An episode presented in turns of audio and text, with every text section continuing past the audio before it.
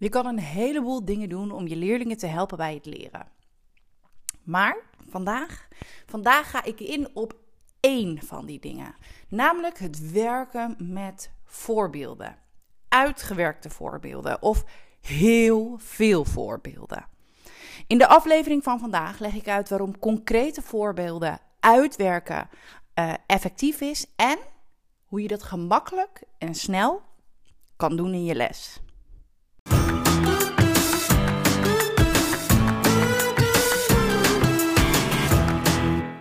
Hey, wat leuk dat je luistert naar de podcast van het Leerlab.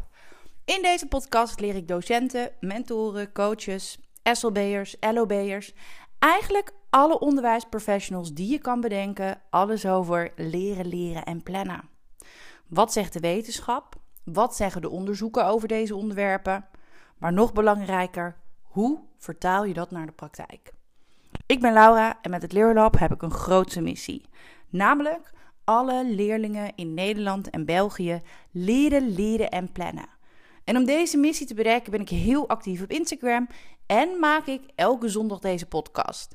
Ik hoop je te inspireren, maar ik hoop je vooral in beweging te krijgen, zodat het leren en plannen makkelijker wordt voor jouw leerlingen. Ja, daar zijn we weer. Een nieuwe aflevering. Aflevering 74 alweer. Uh, ik moet wel zeggen dat als we straks uh, ergens de 100, aflevering 100 aantikken. Nou, dat dat echt wel even een mijlpaal is. Want als ik daar. Nou ja, als ik terugkijk op hoe ik ooit begon en dat ik dat zo heb uitgesteld. En dat ik nu met zoveel plezier wekelijks een podcast voor jou, voor jullie maak. Ik vind het echt leuk. Uh, ben een klein beetje op mijn vingers getikt door mijn eigen coach. Ja, ook ik leer nog steeds. En uh, ik moet toch een beetje meer mijn focus behouden in het werken. Uh, en uh, wat ik doe, doen leerlingen natuurlijk ook. Iets wat je leuk vindt of wat je gemakkelijk afgaat, dat ga je soms doen, meer doen. En zo zijn uh, afgelopen weken ook wat afleveringen op woensdag geweest. Maar nu, ja, nu, en ze heeft helemaal gelijk. Nu krijg ik het advies.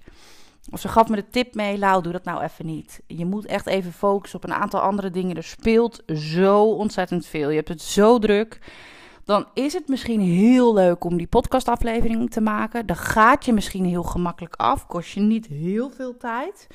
Maar die tijd kun je en moet je eigenlijk even gebruiken voor uh, andere dingen.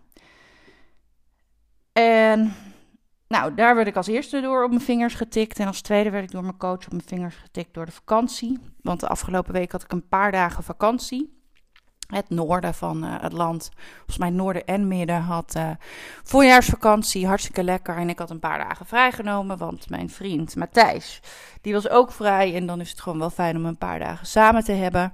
Dus we hadden maandag, dinsdag en woensdag vrij.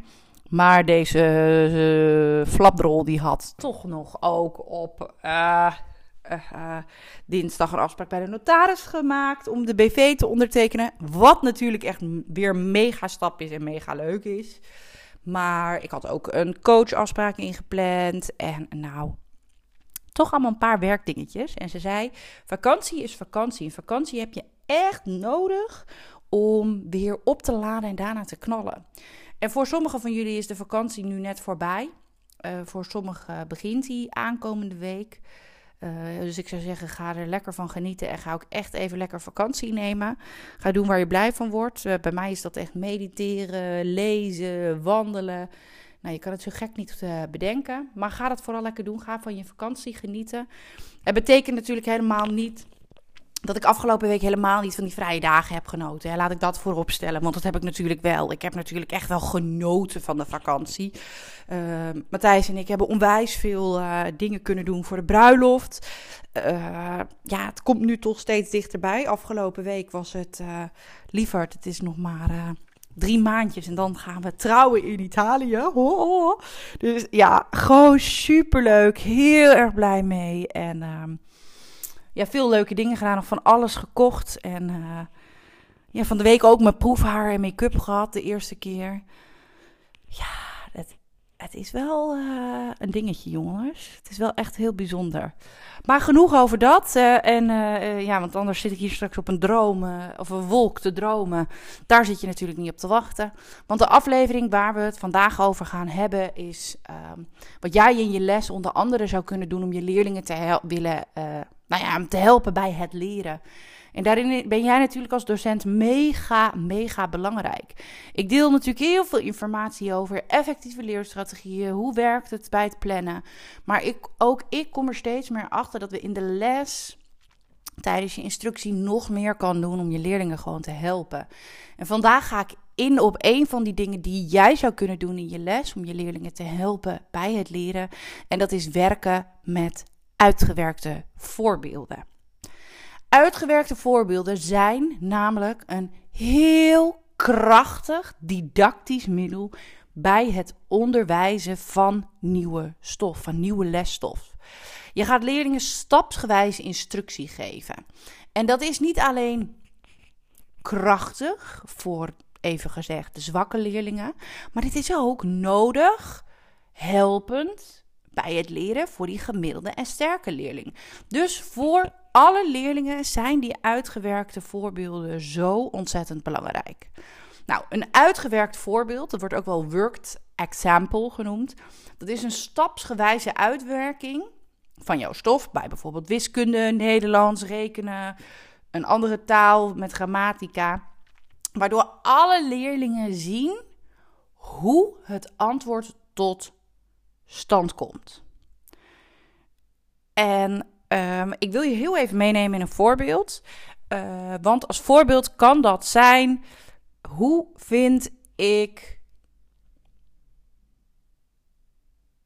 Oké, ik moet even bedenken hoor. Uh, nou, hoe vind ik uh, het leidend voorwerp in de zin? Het leidend voorwerp is natuurlijk een heel voorbeeld wat heel erg bij Nederlands hoort. Maar hoe, hoe vind je dat? Nou, stap 1 is zoek ja, zoek de persoonsvorm. dan moet je wel weten wat de persoonsvorm is. De persoonsvorm kan je vinden door er een vraagzin van te maken. Dan komt de persoonsvorm voor aan de zin. Of door de zin te veranderen van tegenwoordige tijd naar verleden tijd of andersom.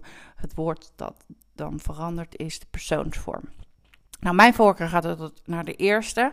Um, en uh, om er een vraagzin van te maken. Dus stap 1. Zoek de persoonsvorm door de zinvragen te maken. Het eerste werkwoord dat, het werkwoord dat vooraan in de zin komt, dat is de persoonsvorm.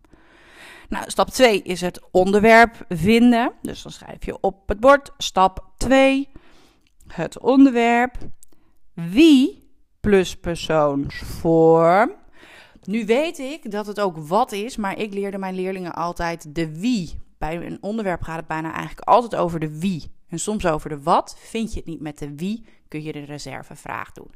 Nou, zo ga je stapsgewijs echt dit uitwerken. En dat opdelen van de opdracht, opgave of het lesdoel, hè, want we hebben het nu ook al over het lesdoel bijvoorbeeld gehad, daarmee ontlas je het werkgeheugen. Ehm, want je gaat het stapsgewijs aanbieden, waardoor het in stukjes komt. En daardoor uh, is het beter die informatie te verwerken. En op die manier help je leerlingen ook om de oplossingsprocedure geleidelijk eigen te maken. En nu denk je misschien, ja, maar ja, ik doe altijd uh, een voorbeeld voor. Ja, hartstikke leuk, is hartstikke goed. En dan laat ik de leerling aan de slag gaan. En dat is iets wat ik veel te veel in het onderwijs zie gebeuren. We leggen even uit hoe het zit. Soms niet eens met een voorbeeld. Ik heb laatst een keer een les gezien. Ik schrok ervan, jongens. Echt. Ehm, ja, er is een voorbeeld gedaan in, uh, in het boek. Kijk maar even in het boek. Oké, en dan ga je nu zelf aan de slag. De stof was nieuw voor de leerlingen. Hoe konden leerlingen aan de slag? Dit was nog helemaal niet uitgelegd. En als we kijken naar de onderzoeken die zijn gedaan over hè, wat is de effectgrootte tijdens het leren, dan is het observeren van een expert van jou in dit geval dus, echt een zeer krachtige manier van leren. Want het heeft een effectgrootte van 0,57. En daarmee behoort dit tot een van de meest effectieve instructietechnieken. uitgewerkte voorbeelden en jou observeren. Dus je moet het ook echt voordoen. En dat komt, weer, komt ons weer terug bij die vier fases die je altijd in je les hebt. Die je ook hebt als je het gaat over leerlingen leren, leren of leren plannen. Maar ook over die. Dit zijn ook de vier fases die er zijn als jij instructie geeft, inhoudelijk. En die eerste fase is dat jij het voordoet. Je kijkt eerst heel kritisch naar je lesdoel. En het kan best zijn dat je het lesdoel van de methode wat aanpast. Ik heb ook wel uh, podcastafleveringen gemaakt over duidelijke lesdoel. Ga die ook vooral luisteren, want dat is echt het fundament voor je les. Maar jij doet het voor. Dus je kijkt naar het lesdoel en je bedenkt welke stappen zijn er nodig om tot de oplossing te komen. Nou, die ga jij in je instructie in die eerste fase voordoen. En laat leerlingen dan ook aantekeningen maken. En dat kun je op twee manieren doen. Jij werkt stap 1 uit en je laat leerlingen dan aantekeningen maken en stelt dan een aantal checkvragen. Of wat je doet is, jij werkt de stappen uit en laat leerlingen alle stappen en laat leerlingen dan de aantekeningen maken. Het werkt namelijk niet om leerlingen aantekeningen te laten maken en naar jou tegelijkertijd te luisteren. Want als je dat doet, dan gaat, uh, gaat het eigenlijk ten koste van één van de twee. Nou, stel dat we uitgaan van je, doet een, een, je werkt één van die stappen uit. Daarna laat je de leerlingen daar aantekeningen over maken. En dan stel je een aantal checkvragen. Uh, dus dat kan best zijn als je die eerste stap hebt gedaan. hey jongens, uh, wat is stap 1? Oké, stap 1 is dit. Oké, wat vind ik dan? Hoe vind ik, de, hoe vind ik dan die persoonsvorm?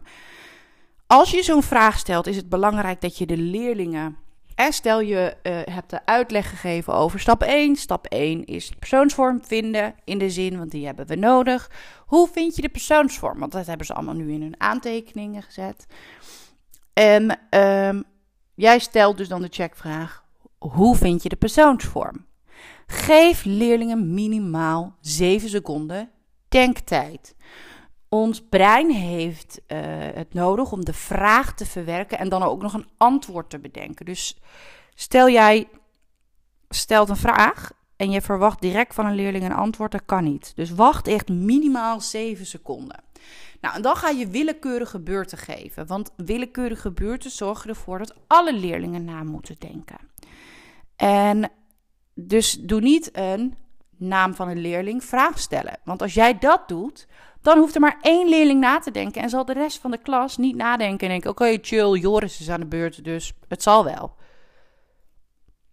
Nee, je stelt je vraag, je geeft denktijd en dan ga je willekeurige beurten geven, bijvoorbeeld met stokjes.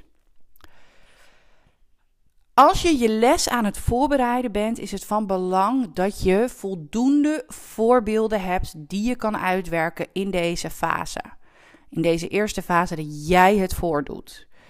En ik had het net al even over de lesmethode waar dan een voorbeeld is uitgewerkt. Nou, dat voorbeeld kun je prima pakken, maar um, pak niet alleen maar voorbeelden en opdrachten uit de lesmethode. Waarom niet? Nou, leerlingen hebben ook nog tijd nodig om de stof eigen te maken. En als jij, um, en dat doen ze natuurlijk door te oefenen, te oefenen, te oefenen, te oefenen, te oefenen. Ze moeten meters maken, want dan wordt het pas goed opgeslagen in hun langetermijngeheugen. Maar als jij alle voorbeelden, sommen, opdrachten uit die lesmethode gaat pakken, is dat onwijs zonde. Want dan hebben ze minder meters die ze kunnen maken om die stof eigen te maken. Wat je heel makkelijk en snel kan doen, is je pakt gewoon wel type sommen, opdrachten, voorbeelden, zinnen uit je lesmethode. En je verandert gewoon een aantal woorden of cijfers. Waardoor je um, je eigen voorbeelden hebt gemaakt, maar niet de voorbeelden uit het boek hebt gepakt die de leerlingen nog nodig hebben om het hun eigen te maken. Dus dat is een hele gemakkelijke en snelle manier om goede voorbeelden te krijgen. Want die sluiten daardoor ook direct heel mooi aan op je lesdoel. Nou, dat is dan fase 1. Jij doet het voor. Dan gaan we naar fase 2 en 3. En eigenlijk zou je kunnen zeggen dat is de begeleide inoefening. En in deze fase ga je leerlingen steeds meer en meer verantwoordelijkheid geven. Um, jij gaat niet meer alle stappen uitwerken. Hè, want dat is hoe je het voor gedaan hebt in die eerste fase. Maar leerlingen nemen bijvoorbeeld een stap of een aantal stappen over. En ik kan je niet vertellen hoe dat precies eruit ziet. Waarom niet? Dat is echt afhankelijk van het lesdoel, van je klas, van de leerlingen die je tegenover je hebt. Maar ik kan je wel een aantal voorbeelden met je delen. Het kan zijn dat jij bijvoorbeeld stap 1, 2 en 3 uitwerkt en dat je de leerlingen stap 4 laat afmaken. Of je vraagt aan de leerlingen: jullie doen nu stap 1 en dan doe ik stap 2, 3 en 4. Kan ook zijn dat je zegt: hey, ik doe stap 1. Laat ik de leerlingen stap 2 maken op hun mini whiteboard of in hun aantekeningenschrift of maakt niet uit. Dan doe jij weer stap 3 en dan leerlingen stap 4. Dus ga kijken wat is nodig, wat hebben mijn leerlingen nu nodig en welk, welke, uh, hoe kan ik de verantwoordelijkheid steeds meer bij mijn leerlingen leggen. En die fase 2 en fase 3, ik noemde dat net al de begeleide oef, inoefening, maar dan doen jullie het samen, jij met de leerling of de leerlingen in tweetallen. En die leerlingen in tweetallen, dat kun je doen door ze meteen opdrachten te laten maken, maar dat is eigenlijk niet wat fase 3 is. Want fase 3 is uh, hè, opdrachten laten maken is meteen zelfstandig aan het werk als je dat gaat doen. En dat wil je niet. In fase 3, dat je leerlingen samen laat werken, kun je dat ook doen dat leerlingen de stappen bijvoorbeeld aan elkaar gaan uitleggen.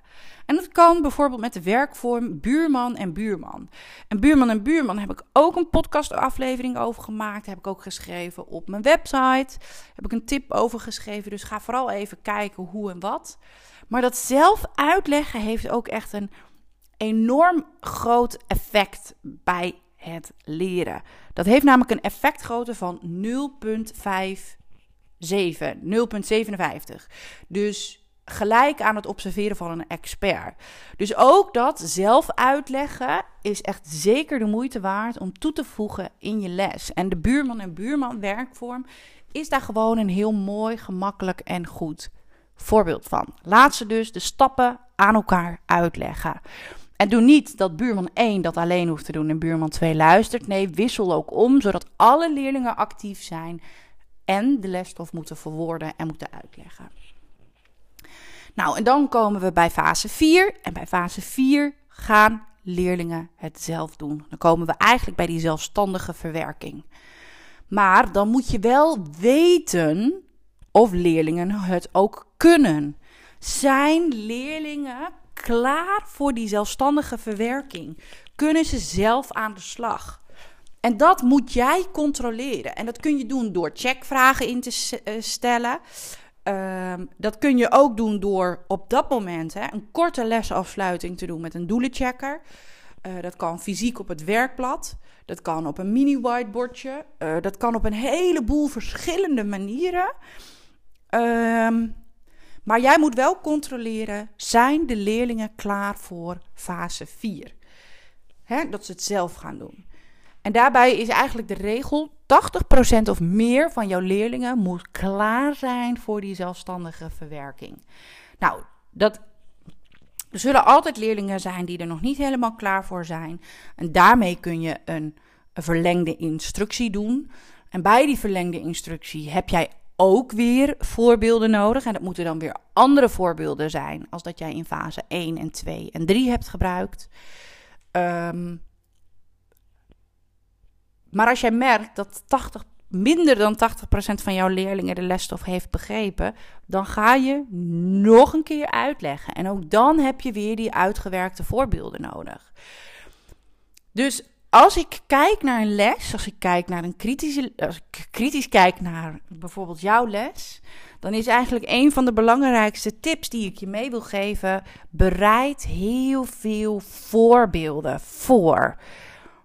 Um, en zorg dat je echt een papiertje bij de hand hebt liggen. Welke voorbeelden kan ik allemaal inzetten? Maak gewoon een lijst. En die lijst hoef je echt niet ieder jaar bij elke les te maken. Want als het goed is, als je dat één keer doet bij één les, dan komt die volgend jaar weer terug en kun je die voorbeelden weer gebruiken. Dus misschien is het in het eerste jaar een investering in tijd, in voorbereiding. Misschien bereid je nu wel helemaal niet voor, maar dat gaat je echt, echt, echt helpen. En zoals ik eerder ook zei in de aflevering, die voorbeelden hoef je echt niet allemaal zelf te bedenken. Kijk naar de methode, verander een aantal woorden of cijfers en tada, daar heb je nieuwe voorbeelden. En dat werken met veel uitgewerkte voorbeelden is echt belangrijk. Ehm,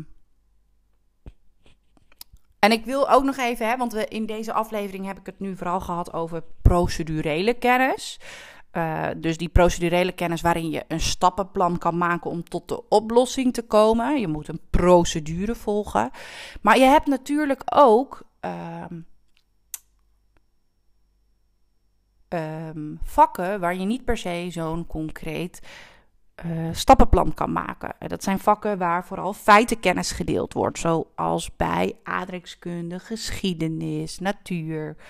Nou, natuur heeft denk ik een combi, maar en als je dat dus niet kan maken, dan is het ook belangrijk om veel voorbeelden te bedenken. Dus stel je deelt een begrip met de leerling in de les, bedenk verschillende voorbeelden die dat duidelijk maakt. Want als je maar met één voorbeeld gaat werken tijdens de instructie, dan is de stof voor de leerlingen maar gekoppeld aan één voorbeeld. En als de leerling of als de stof maar gekoppeld is aan één, slechts één voorbeeld, is vooral het voorbeeld dat ze gaan onthouden. En door die meerdere voorbeelden is de context groter, kunnen ze het ook toepassen in andere situaties en is het duidelijker voor de leerlingen. Jij kan natuurlijk voorbeelden delen in je les, maar je kan natuurlijk ook je leerlingen weer zelf voorbeelden laten opzoeken of bedenken. Het zorgt namelijk voor uh, veel denkkracht. Denkkracht zorgt ervoor dat leerlingen hard moeten nadenken en dat de lesstof beter opgeslagen wordt. Maar ten tweede is het een ander mooi voorbeeld: leerlingen zelf uh, voorbeelden te laten bedenken. Dat de voorbeelden die ze bedenken zullen aansluiten bij hun eigen belevingswereld. En als het aansluit bij hun eigen belevingswereld, kunnen ze ook de lesstof weer makkelijker onthouden. Als jij feitenkennis deelt, is het wel goed om te weten dat je. Ja, je werkt misschien niet met een stappenplan om tot de oplossing te komen. Maar het is wel van belang om de informatie die je op je bord deelt. Uh, wel stapsgewijs op te bouwen. En uh, dat kun je doen met een PowerPoint, maar dan heb je niet alle informatie gestructureerd op het bord. Dus ik zou je willen uitdagen en nadenken, laten nadenken over hoe kun je dat stapsgewijs opbouwen op je bord op één pagina, uh, zodat er uh, in één oogopslag alle stof duidelijk is, maar ook alle verbindingen duidelijk zijn. Wat heeft wat met elkaar te maken? Um, en bouw dat op. Zet niet dat schema of die aantekeningen kabam op het bord. Want dat is echt veel te belastend voor het werkgeheugen. Ga het wel ook stapsgewijs de informatie opbouwen. Nou, voor vandaag heb ik wel weer genoeg gekletst. Om nog heel kort even te uh, af te ronden. Want ik wil wel ook hè, beide docenten aanspreken. De docenten die procedurele kennis geven, delen. Of de mensen die juist feitenkennis delen. Of misschien doe je wel gecombineerd omdat jij in het PO zit. Maar uh, bij procedurele kennis uh, uh, loop je een procedure door om tot de oplossing te komen. Dus kijk kritisch naar het lesdoel en bedenk hele concrete en duidelijke stappen. Dus maak een stappenplan die je gaat delen in je les.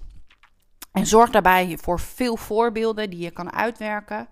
En ga dan stapsgewijs de verantwoordelijkheid overdragen aan de hand van de vier fases naar de leerlingen.